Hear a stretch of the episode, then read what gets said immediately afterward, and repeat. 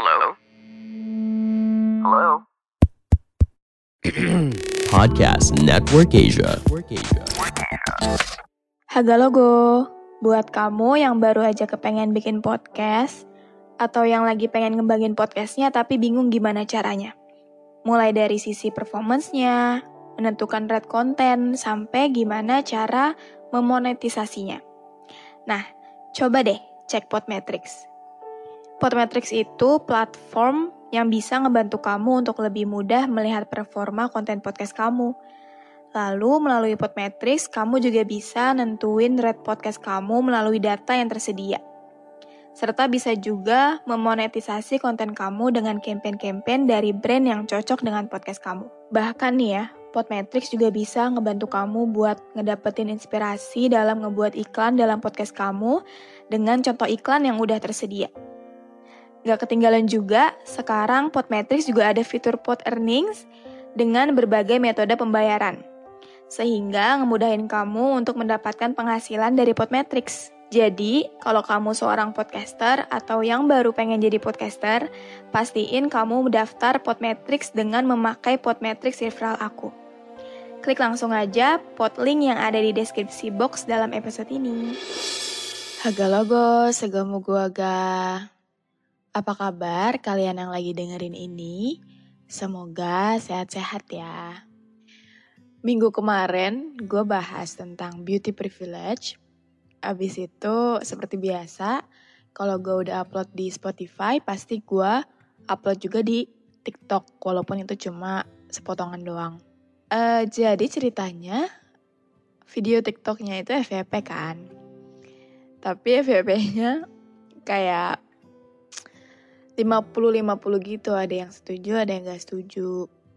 Karena ya emang gue akuin salah gue sendiri sih, ngecropnya bagian yang bisa nimbulin pro dan kontra gitu.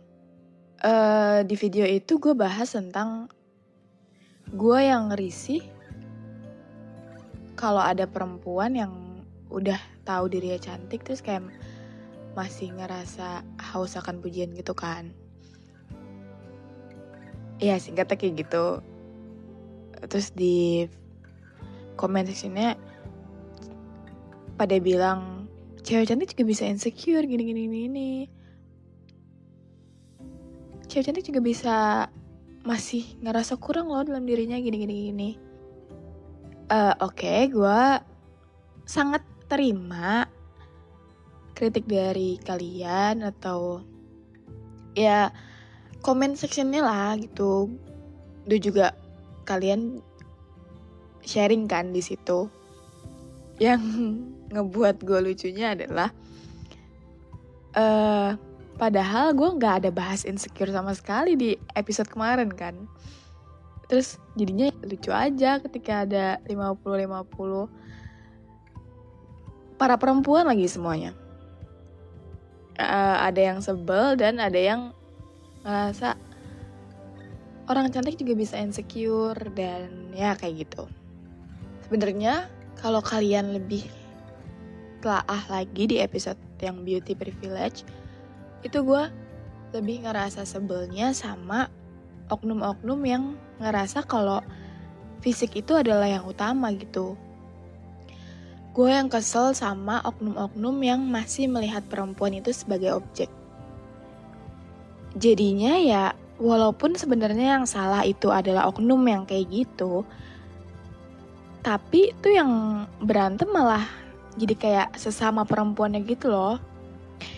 Jadi di episode kali ini gue mau bahas tentang perempuan yang selalu dijadiin objek sama laki-laki. Perempuan yang selalu punya standar yang dibikin sama laki-laki. Kayak perempuan cantik itu yang gini-gini gini, perempuan yang biasa-biasa aja itu yang gini-gini gini, perempuan yang jelek banget itu adalah yang kayak gini-gini. Padahal menurut gue, perempuan ya perempuan, dia punya nilai yang sangat besar karena dia perempuan gitu. Do juga ibu lo perempuan, dia udah ngandung lo selama 9 bulan, dia yang udah pertaruhin nyawanya demi lo keluar di dunia yang fana ini gitu kan Tapi ketika lu udah gede, lu jadi sosok yang brengsek yang ngelihat perempuan cuma jadi objek. Apalagi yang sempat viral waktu itu di TikTok. Kalau kalian tahu videonya yang uh, ada tiga orang gitu di mobil. Nah, yang satu nih yang duduk di depan di kursi penumpang dia bilang kalau menurut gue itu perempuan itu sebagai objek doang kata dia kayak gitu. Gue tuh ngeliat perempuan itu sebagai objek. Kalau misalkan gue udah dapat apa yang gue mau ya gue tinggalin dia bilang kayak gitu kayak what the fuck man? Perempuan bagi dia tuh seolah-olah kayak barang gitu loh. Dan itu sedih banget sih. Waktu itu kan gue juga pernah bahas ya tentang toxic masculinity yang laki-laki tuh harusnya cool, keren gitu. Laki-laki itu nggak boleh nangis, nggak boleh pakai baju pink dan segala macem. Dan ternyata ada juga yang namanya toxic femininity. Itu yang dialamin sama kebanyakan perempuan. Perempuan itu harus jago masak, perempuan itu juga harus jago pakai make up. Perempuan itu nggak boleh sekolah tinggi-tinggi, nanti nggak ada yang mau perempuan itu harus cepet nikah karena nanti ketuaan gak ada yang mau gitu kan. Oke, jadi apa itu toxic femininity? Toxic femininity adalah standar yang dianggap normal oleh masyarakat tentang hal-hal yang dilakukan dan dimiliki oleh perempuan. Yang pertama kan harus jago masak. Setiap misalkan nih uh, kita perempuan main ke rumah lawan jenis kita gitu kan. Pasti yang ditanyain sama emaknya gitu bisa masak nggak? Bisa ini nggak? Kayak setahu gua masak itu adalah salah satu cara untuk bertahan hidup gak sih? Kayak misalkan kalau cowok lagi hiking gitu dun kan mereka harus masak untuk diri mereka sendiri kan kayak nggak harus perempuan gitu loh. Ya kalau emang cowoknya yang jago masak oh ya udah. Berarti yang masak itu yang cowok gitu atau nanti ganti-gantian atau malah saling ngebantu di dapur kan jauh lebih seru. Daripada laki-lakinya yang harus tinggal duduk santai manis sedangkan perempuannya masak di dapur. Kenapa nggak saling bantu aja di dapur? Dan perempuan katanya gak usah sekolah tinggi-tinggi, ntar gak ada yang mau, nanti cowoknya minder segala macem. Nanti giliran punya anak, terus anaknya nanya sama kita tentang pelajaran yang dia pelajaran di sekolah, terus kita gak bisa jawab, nanti salah lagi. Gimana sih emang sekolahnya gak belajar gini-gini gini, masa gak bisa ngajarin anak sendiri? Serba salah. Justru perempuan itu emang harus punya pendidikan yang tinggi karena dia itu madrasah pertama anaknya. Kalau ibunya pinter, anaknya juga pinter. simple as that. Pasti yang namanya toxic-toxic kayak gitu ada dampak buruknya dong. Dan ini dampak buruk toxic femininity menurut yang on top.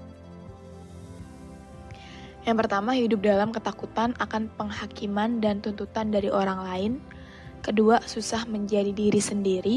Ketiga, rawan saling menjatuhkan sesama perempuan. Keempat, membuat depresi, sedih, dan kelelahan. Poin yang ketiga, itu adalah poin yang gue lihat di comment section video TikTok gue yang bahas tentang beauty privilege. Um, gimana ya? Menurut gue, sotonya gue aja. Jadi tuh di kubu yang satu itu, menurut mereka adalah perempuan itu harus cantik, kulitnya harus mulus, nggak boleh ada jerawat, dan dia juga lagi berusaha untuk memenuhi standar yang itu. Terus ketika mereka lagi berusaha untuk memenuhi standar yang itu, terus ketemu sama perempuan yang udah cantik tapi masih kurang, ya itu nyebelin kan. Tapi di kubu yang satu lain, menurut mereka cantik itu bukan sesuatu standar yang harus dipenuhin gitu. Mereka juga nggak sadar kalau mereka cantik, kalau emang cantik ya alhamdulillah, kalau emang menurut masyarakat mereka cantik gitu. Tapi dengan cuma modal cantik itu nggak bikin mereka merasa cukup untuk menjadi perempuan gitu loh, ngerti gak sih? Jadi karena perbedaan pandangan yang kayak gitu, padahal mereka berbeda pendapat itu gara-gara oknum-oknum yang mandang cewek jadi objek gitu loh. Jadinya yang berantem itu yang sesama perempuan dan itu ironik, right? Dan juga kalian pasti sering banget dengar kalimat perempuan itu selalu benar. Menurut gue, perempuan itu selalu salah, serba salah. Ngelakuin ini salah, ngelakuin itu salah. Misalnya, perempuan yang cepat nikah disangkanya hamil duluan, perempuan yang lama nikahnya dikatain gak laku-laku. Bahkan di saat ada pelecehan seksual pun yang disalahin adalah perempuan. Bajunya kali terlalu ngetat, terlalu pendek, terlalu seksi. So, gimana sama pelecehan seksual yang terjadi di musola saat itu?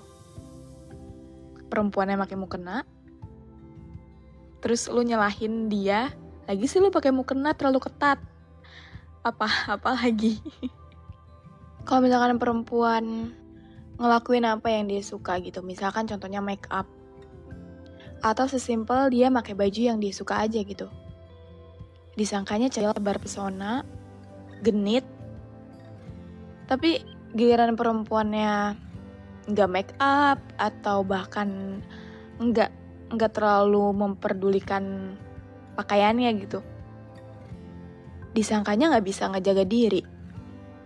Bahkan nih ya ibu rumah tangga misalkan dia masih bisa merawat dirinya dengan baik dia masih bisa sempat skincare atau dia masih sempat pakai make up walaupun itu tipis di rumah gitu disangkanya anaknya nggak diurus segala macem.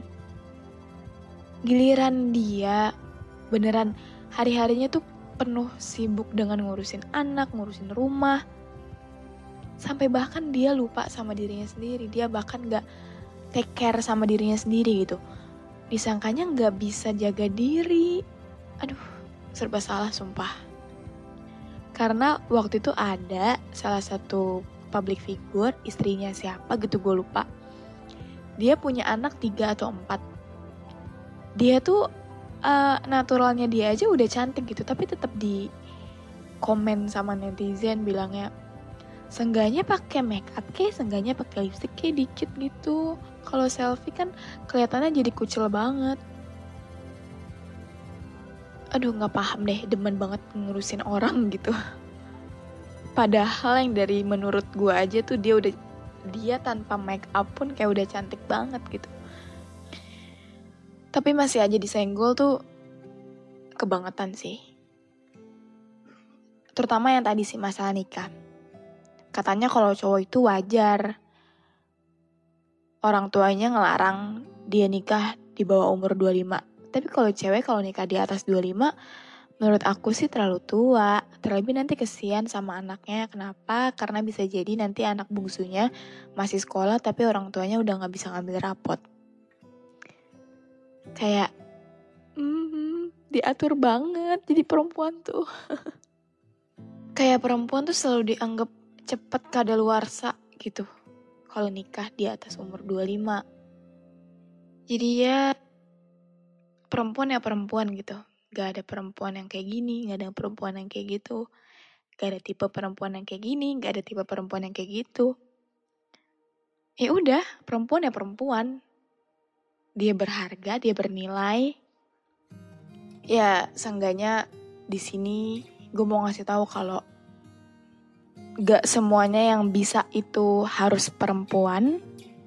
Itu juga kalau gue mikir-mikir lagi sebenarnya nih, kalau masih aja jalan nih toxic femininity kayak gini, nanti bakalan bercabang masalah-masalah berikutnya gak sih kayak misalkan good girl syndrome ya kan?